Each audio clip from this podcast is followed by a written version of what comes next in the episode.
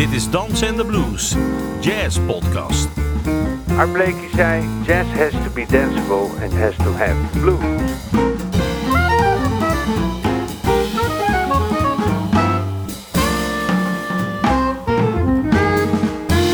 Je luistert naar een aflevering van Dansen en de Blues. Een podcast over jazz met kleurrijke gasten, indringende gesprekken, sterke verhalen en vooral swingende muziek.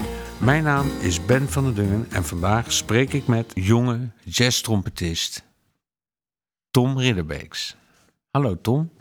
Hallo, Eerste stukje wat je speelde, hoe heette dat? dat heet eh, Duck or Grouse. Naar een, naar, het klinkt als een whisky eigenlijk. Ja, eh, ja, Famous Grouse doe je dan op, hè? Nou ja, Duck or Grouse eh, is eigenlijk een, eh, een, een Engelstalig eh, gezegde. Eh, waarbij dus duck is je hoofd intrekken. En grouse is eh, een soort van klager. Dus het is eigenlijk een soort mind your head of kijk uit met je hoofd. Het is eh buk of klaag, eigenlijk meer dat. Oké.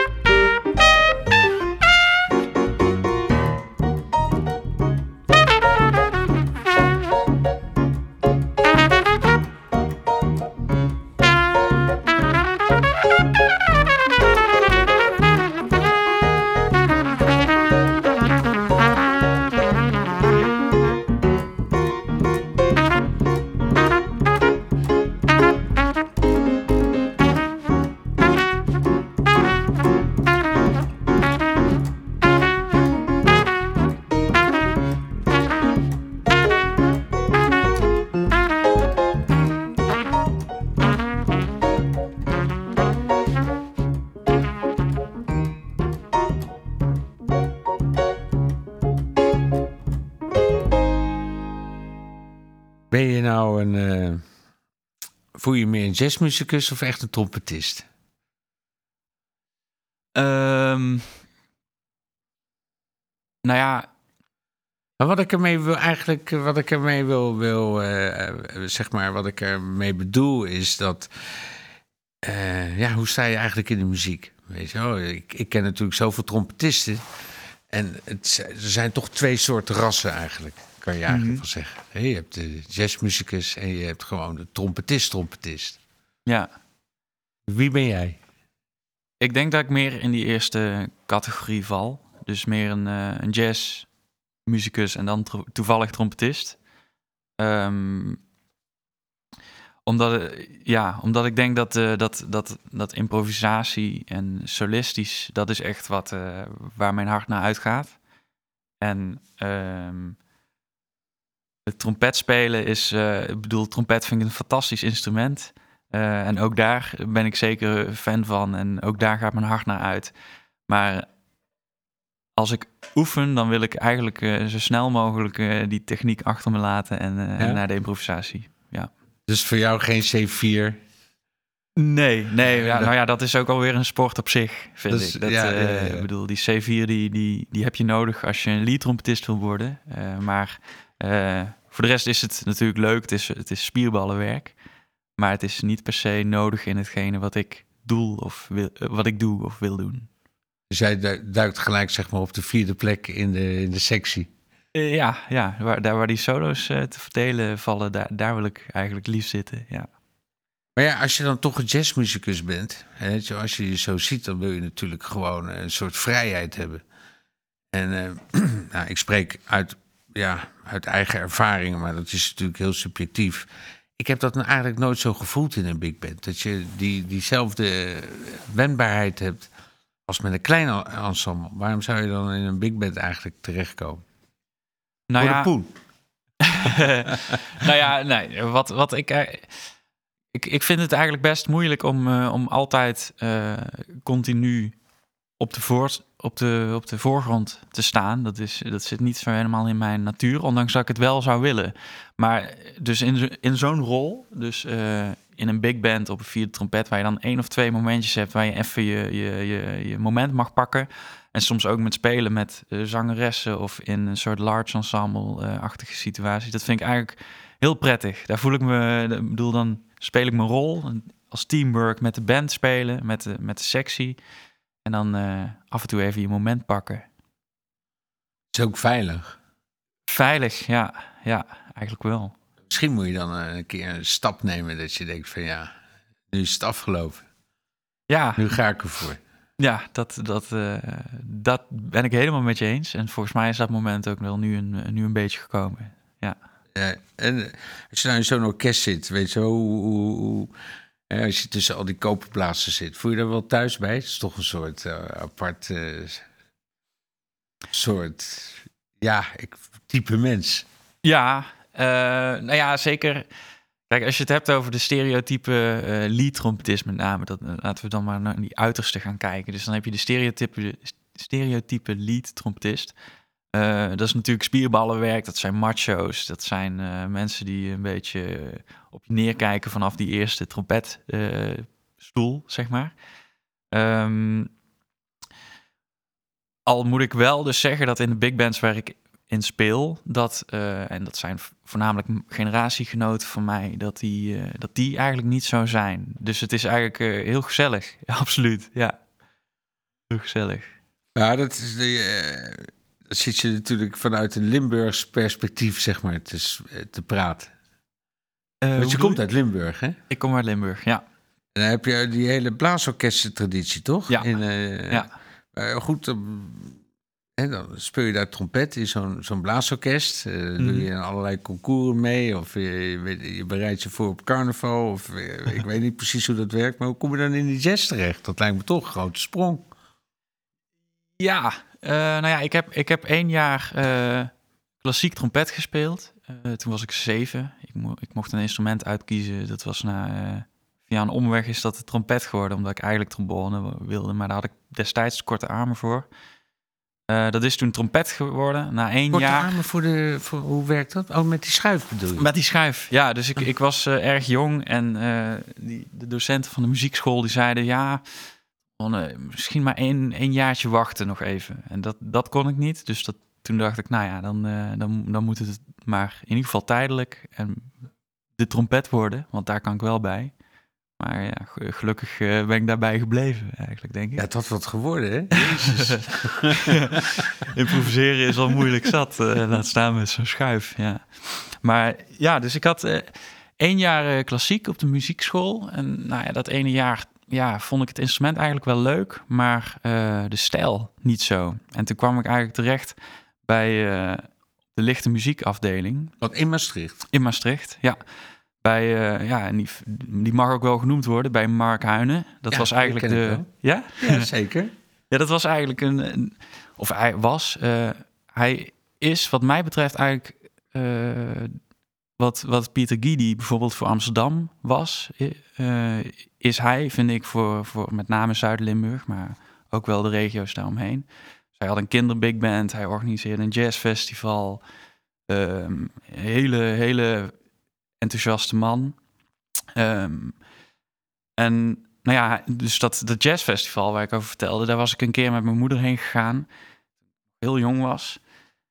En daar speelde toen eh, Bert Joris eh, met Philip Katrien onder andere. Ik weet niet meer precies wie nog meer allemaal. Maar die kreeg toen op het podium nog ruzie.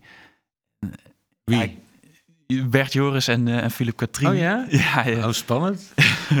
ja ik, ik begreep niet helemaal wat er nou precies gebeurde. Maar Bert liep gewoon opeens de coulissen in en eh, kwam een paar minuten later pas weer terug. Ja, daarna kreeg ik nog een cd. Ja, kocht mijn moeder toen voor me. Dat was een, een, een plaat, een live plaat van Bert Joris. En die heb ik toen helemaal grijs gedraaid in die jaren. En ja, ik wist eigenlijk nog niks van in, inhoudelijk van jazz of hoe dat nou precies allemaal werkte. Maar als ik die CD nu terugluister, dan begrijp ik wel helemaal wat daar eh, zo goed aan Die vind je nog steeds net zo goed. Ja, waanzinnig. Echt waanzinnig. Ja. En welk stuk vind je het beste? Oeh. ehm, ja, alle stukken hebben eigenlijk hun eigen, eh, vind ik op een ander moment gaaf. Dus eh, bijvoorbeeld spelen It Could Happen To You, maar dat op een manier, er zit heel veel vrijheid in. Dus dat is eigenlijk een jazz standard, maar dat spelen zij op zo'n manier dat, ja, dat het eigenlijk niet meer voelt als een jazz standard. Het is gewoon een waanzinnig, waanzinnig, eh, waanzinnige uitvoering van een waanzinnig stuk. Eh, maar ze hebben ook andere nummers, een hele mooie wals, Waltzissimo. Wat wil je laten horen? Ik wil ho- laten horen eh, Blue Alert. Dus het eerste, eerste nummer. eh, Van die liveplaat. Van die liveplaat, ja.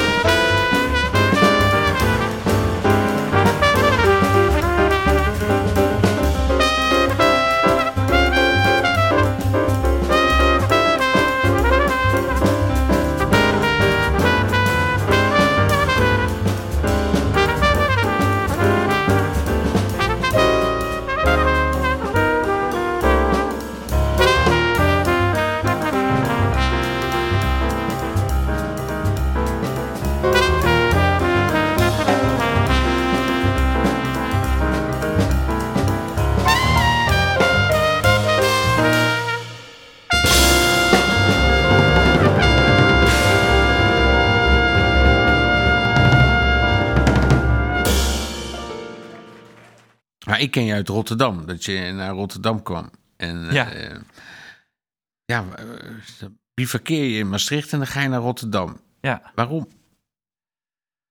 Ehm poeh.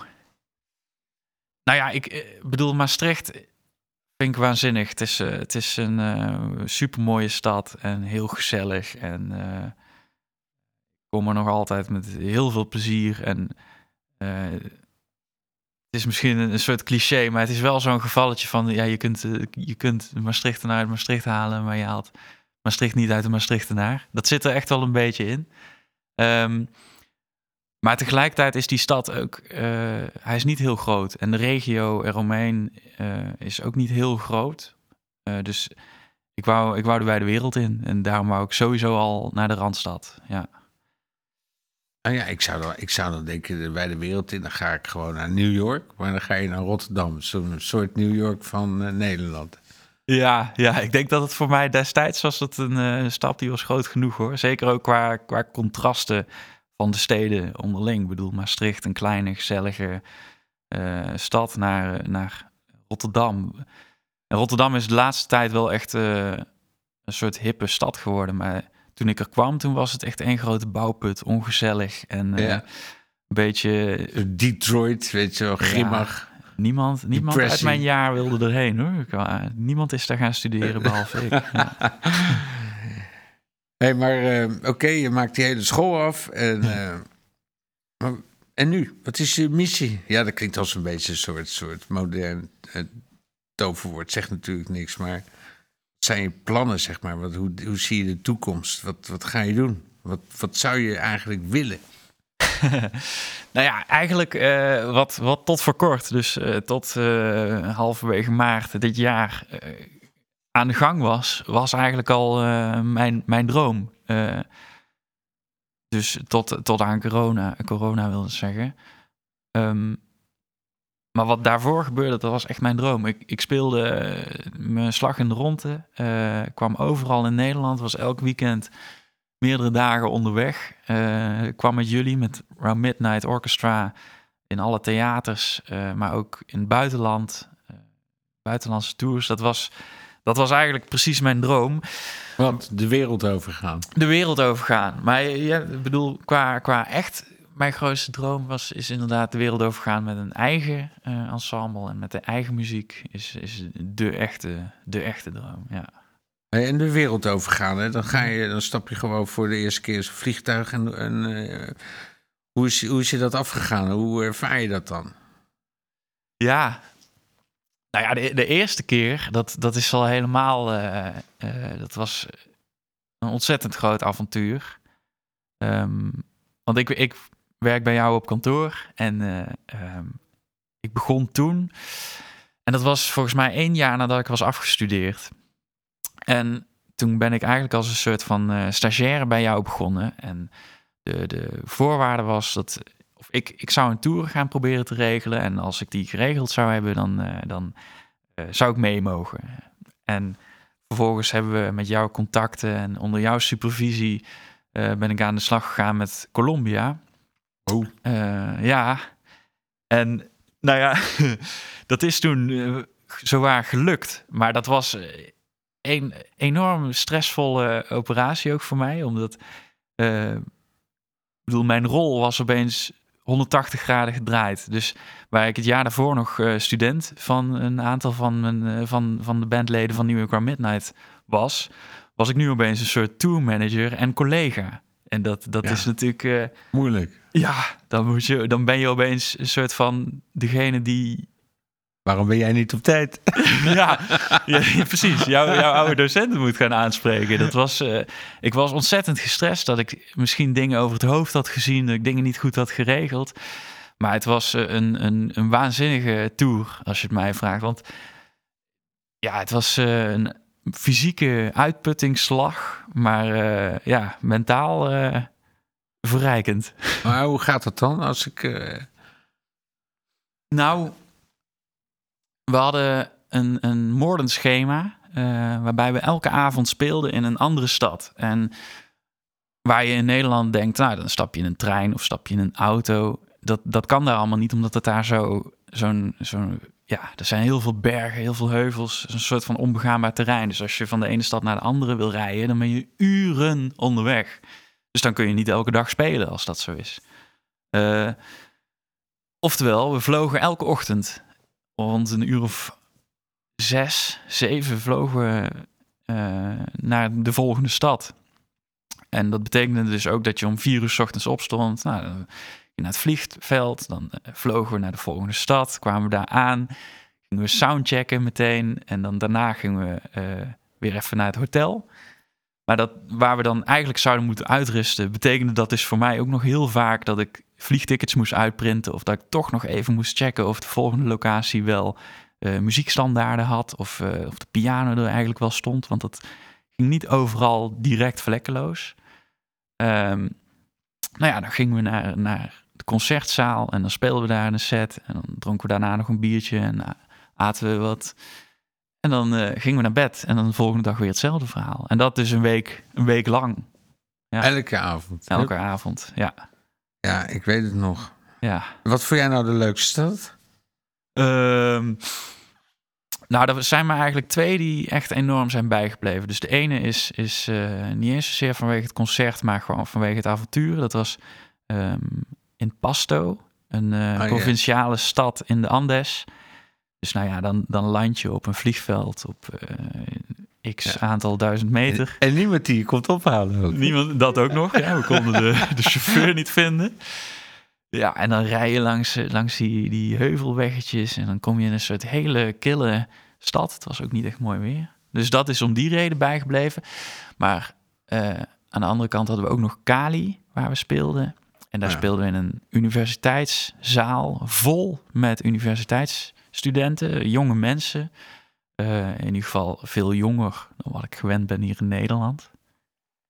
En uh, nou, die, die mensen gingen uit hun plaat. Werkelijk uh, volledig uit hun dak. Ik wist niet wat ik meemaakte. Dat dat met die stijl, jazz, een soort ja, oudere stijl, niet, niet oude stijl, maar oudere stijl, traditionelere jazz, dat dat mogelijk is. Dat was mij onbekend. Ja. ja, heel gaaf publiek, hè? Ja. Ik heb nog nooit zo lang applaus gehoord, eigenlijk in mijn hele carrière niet. Ja het opgenomen. Echt ongelooflijk. Kali, hè? Schreeuwende mensen, ja. Ben je nog wezen stappen daar? Uh, nee, nee, ja, het, het nee? schema liet het niet toe. Uh, nee. Dus niet uh, aan de, de snuifpot gedoken? nee, nee, nee, nou ja, nee. nee dat staat me daarnaast überhaupt niet zo... niet zo nee, de hele jonge generatie is wel, wel braaf en netjes, hè? clean. Nou, braaf wil ik niet zeggen, maar wel. Ja, in mijn, mijn omgeving, voor zover ik weet wel. Ja. Maar als je dat zo vergelijkt met, je, met, je, met andere generatiegenoten, is dat wel een groot verschil. Uh, Hoe ja. komt dat dan? Hoe werkt dat? Nou ja, de, ik heb Ab Schaap, dat is een docent op het conservatorium van Rotterdam, die heeft wel eens tegen mij gezegd: ja, eigenlijk uh, je ziet dat studenten zich een beetje afzetten tegen de generatie boven hun. Oftewel, dat, uh, dat is waar onze docenten best wel wilde tijd hebben gehad. Uh, zijn wij wat, wat braver met dat soort middelen, geloof ik. Maar in ieder geval in mijn, in mijn kringen, voor zover ja, ik weet ja. ook. Dus, nee, maar goed, ja. het is, ik zit een beetje uit te dagen, maar als je nou toch over je docent hebt, hè, en ja. je, je, je, moet natuurlijk ergens vandaan komen. En ja, dan luister je naar allemaal plaatjes. Maar wat ik me nou afvraag, als ik nou naar je zit te luisteren, zeg ik van wie is nou je echt, wie zijn nou je helden? Wat is nou je voorbeeld? Wat is nou je, zeg maar, waar, waar kom je vandaan? Uh, ja, dus Bert Joris is er één van, die, waar we al naar geluisterd hebben. Um, andere is Avishai Cohen. Uh, trompetist uit Israël. Die op dit moment uh, helemaal uh, de shit is, zeg maar. Wat, en wat vind je daar dan heel gaaf aan? Um, hij is melodisch ontzettend sterk. Hij heeft een volledig eigen vocabulaire. Um, ik heb een, een, stukje van hem meegenomen. En ik vind dat denk ik een van de mooiste trompetsolo's die ik ken. Ik weet, ik bedoel, er zit natuurlijk altijd een soort van X-factor in. Dus wat, wat mij nou net daaraan raakt, weet ik niet 100%. Maar er zijn wel dingen die ik kan uitleggen. En een daarvan is dat hij dus met een soort van hele lange melodische lijnen ehm, weet af te sluiten met een, een heel eh, catchy, maar mooi motiefje, ritmisch en melodisch. Uh, dus hij, hij heeft een soort van. Hij is in staat om zeg maar een hele lange lijn, dat, dat is dan een soort cadeautje, af te sluiten met een strikje eromheen. Dat, dat is eigenlijk. Uh... Dat is uh, wel mooi beeldend gezegd. Kijk, ik, ik heb natuurlijk ook mijn helden, maar ja, ik heb eigenlijk nooit zo uh, over nagedacht. Ik ging ze gewoon naspelen. En speel je dan ook na? Ja, ja zeker. Ja. Kun je wat van hem spelen? Ja, ja. Als het je held is, zou je dat eigenlijk gewoon er gelijk uit moeten knallen. Hè? Ja, uh, hij heeft dat, in dat ding wat ik heb meegenomen zit een uh, aantal lijnen. Het zijn uitdagende dingen, dus ik weet niet of het zo meteen. nee, maar ik, zet hem op. Ik, bedoel, uh, ik zit je gewoon een beetje uit je tent te lokken, maar ik ben zo benieuwd. Hmm.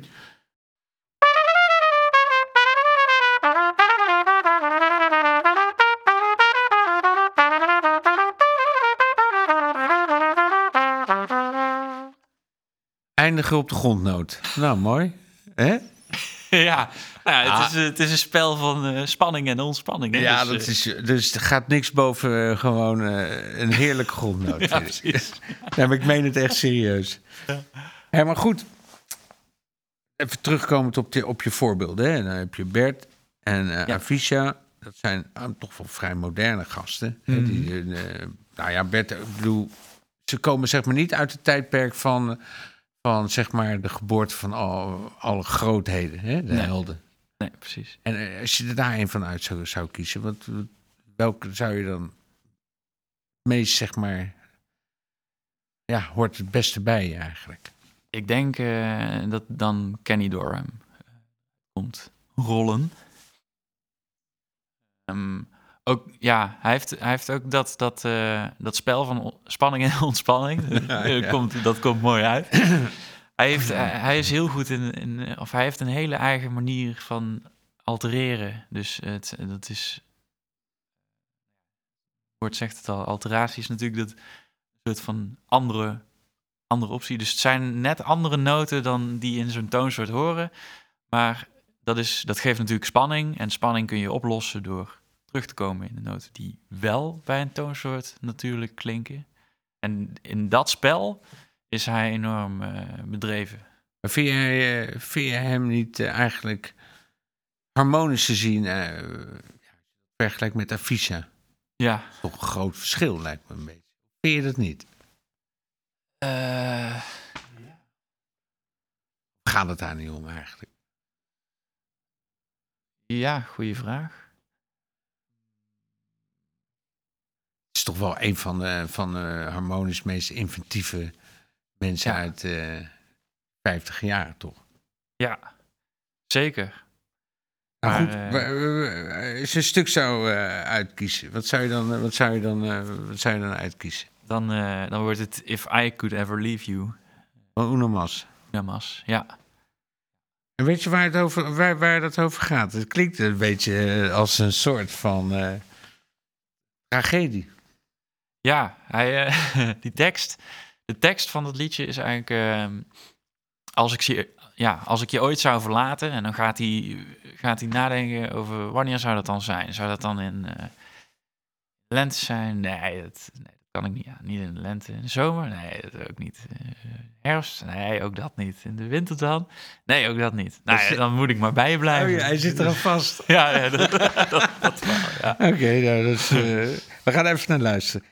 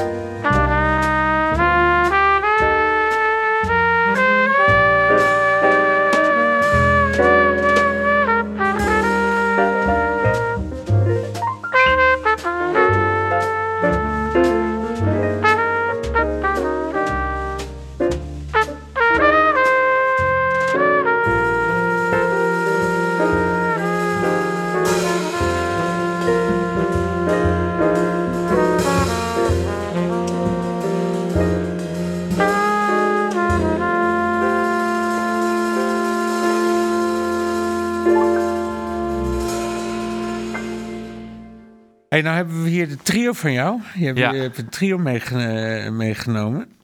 En dan, eh, ja, je gaat eigen muziek, eh, je hebt eigen muziek daarvoor geschreven. En het zijn allemaal je eigen composities. Klopt. Ehm, ik wist eigenlijk helemaal niet dat je dat, dat je dat schreef. Nou hoef ik ook niet alle- alles te weten, maar ik vind het toch een mooie verrassing. Ja. Hoe komt dat? Eh, nou ja, het, het, het hoort bij die droom. Dus eh, wat ik ook al eerder zei. Dus die droom van eh, ooit wil ik met mijn eigen band, eigen muziek de wereld over. Dus eh, een beetje schrijven is er altijd wel geweest. Maar dan kom je inderdaad ook weer bij een ander ding. Dat ik graag, of dat ik het prettig vind om die veilige rol in een iets grotere band te nemen. Dus dan, ja, dan kom je automatisch minder aan je eigen stukken toe. Ehm, En maar als je gaat schrijven, ja. heb je dan, ben je dan, ja, komt het gewoon uit de lucht vallen of, of ben je gewoon, voel je je componist? Of is het eigenlijk, ja, je hebt gewoon je eigen, eigen muziek nodig, dus je moet wel. Nou, eh, het, het is eigenlijk eh, heel toevallig hoorde ik, heb ik gisteren een, een stukje van een interview tussen eh, van Barack Obama bij Nieuwsuur gezien. Ja? En Barack Obama is blijkbaar bezig met het schrijven van een boek. En ehm, hij zei daar iets over waar ik me, in, waar ik me heel erg in herkende. En dat was, eh, als ik aan het schrijven ben, ja, dat, dat vind ik niet leuk. Of daar voel ik me niet zo goed. Maar als ik iets geschreven heb, dan voel ik me wel echt heel goed. En da daar, daar voldoe, ik me, voldoe ik wel aan. Want het schrijven is vaak voor mij echt een martelgang. Maar als ik eenmaal iets op papier heb, dan ben ik er wel vaak ja, wel, wel blij mee. Als je dan begint te schrijven, heb je dan de vorm in je hoofd? Of heb je, richt je op de melodie? Of zit je met de groovejes? Of vanuit een harmo- harmonisch concept? Hoe, hoe zie je dat, je eigen stuk? Meestal komen ze voort uit een, eh, uit een, uit een, een melodisch motiefje. En dat kan zowel iets voor, voor eh, de melodie van de trompet zijn, maar ook heel vaak een soort basgrooveje. Maar ja, wel, het zijn wel altijd eh, catchy, melodische motieven. En hoe werkt dat proces? Als je dan, oké, dan heb je zo'n motief, maar dan heb je nog niks. Dan Nee, moet- nee. Ja. Nou ja, dan, dan begint dus die martelgang. En daar ben ik echt eh, soms, soms maanden wel mee bezig, ja, letterlijk. dat is echt gewoon eh, pure arbeid. Noeste Ja. arbeid. eindeloos achter de piano zitten, elke dag uithuilen en overnieuw beginnen. Ja? En, Volle prullenmannen. ja, ja. ja nee, het, eh, ik bedoel, daarom zou ik mezelf ook nooit eh, ja, echt, echt componist, componist noemen. Nee. Ik, ik schrijf erbij, maar eh, op dit moment, dit- het is, Ja, maar het hoort ook eigenlijk gewoon, als je jazzmuzikus bent, vind ik eigenlijk, ja, waarom zou je ook niet zelf het schrijven? Waarom zou je altijd een blues van iemand anders moeten spelen? Maar aan de andere kant, ja, ik ken eigenlijk heel weinig van mijn helden die dat niet hebben gedaan. Ja.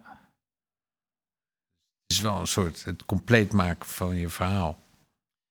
ja, en wil je, wat je schrijft, dat ligt automatisch denk ik ook heel dicht bij je. En daar speel je waarschijnlijk ook goed over, om diezelfde reden, denk ik. Maar als je dan, als je dan zo'n stuk eh, gewoon helemaal met bloed en zweet en tranen komt uiteindelijk gewoon zeg maar op andermans lessenaar terecht en dan moet jij het spelen. Heb je er dan nog wel zin in? Kan je dat stuk eigenlijk niet meer horen? Als iemand anders... eh, Nee, als je dan opeens je hebt dat, dat werk gedaan en dan Ja. moet jij het gaan spelen.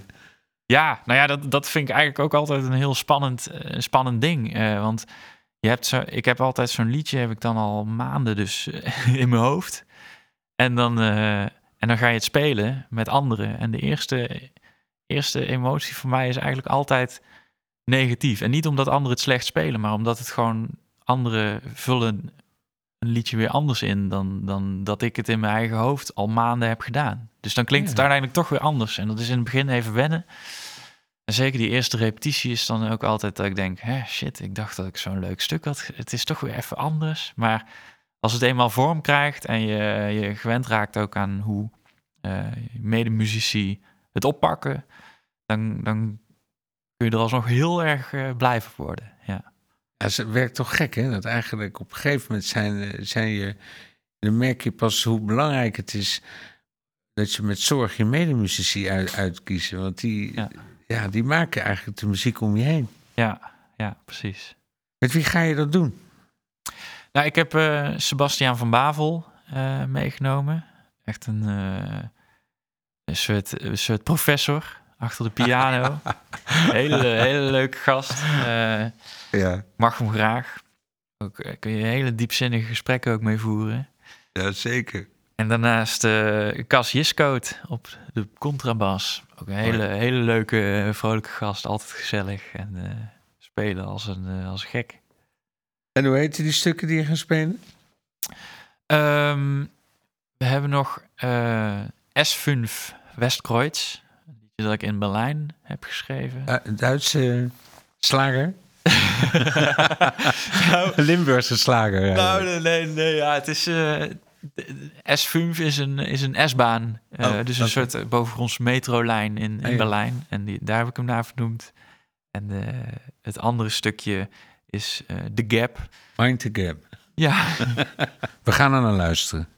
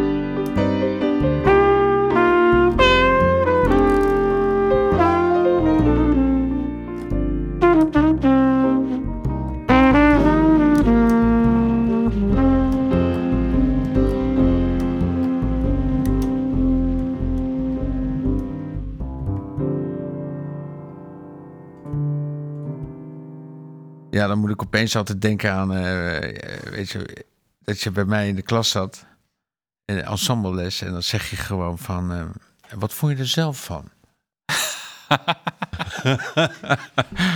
nee, ik vond het namelijk heel erg goed. Nou, Het is, super eh, catchy eigenlijk ook. En, eh, wel breekbaar zonder drums, toch? Ja, nee, eh, bij sommige dingen mis ik het. Ik heb niet per se gedacht ook van ik, ik schrijf dit eh, voor een trio. Eh, maar dus in die zin, ja, ontbreekt het ook wel eh, in dat beeld wat ik dus tijdens het schrijven heb. Er zitten wel drums bij. En dat, dat mist dan in het begin. Maar uiteindelijk ben ik er eigenlijk ja, heel blij mee. Het is toch even spannend, maar ik ben blij hoe het erop staat. Ik denk dat het met drums eigenlijk een minder eh, sensitief zou, eh, zou uitpakken, zo'n stukje. ja. Het is Ja, wel, ook. dit heeft een hele transparante vibe. Mm. Lijkt me ook wel moeilijk, want je kan nergens tegen aanleunen. Ja, je hebt altijd de bas nog.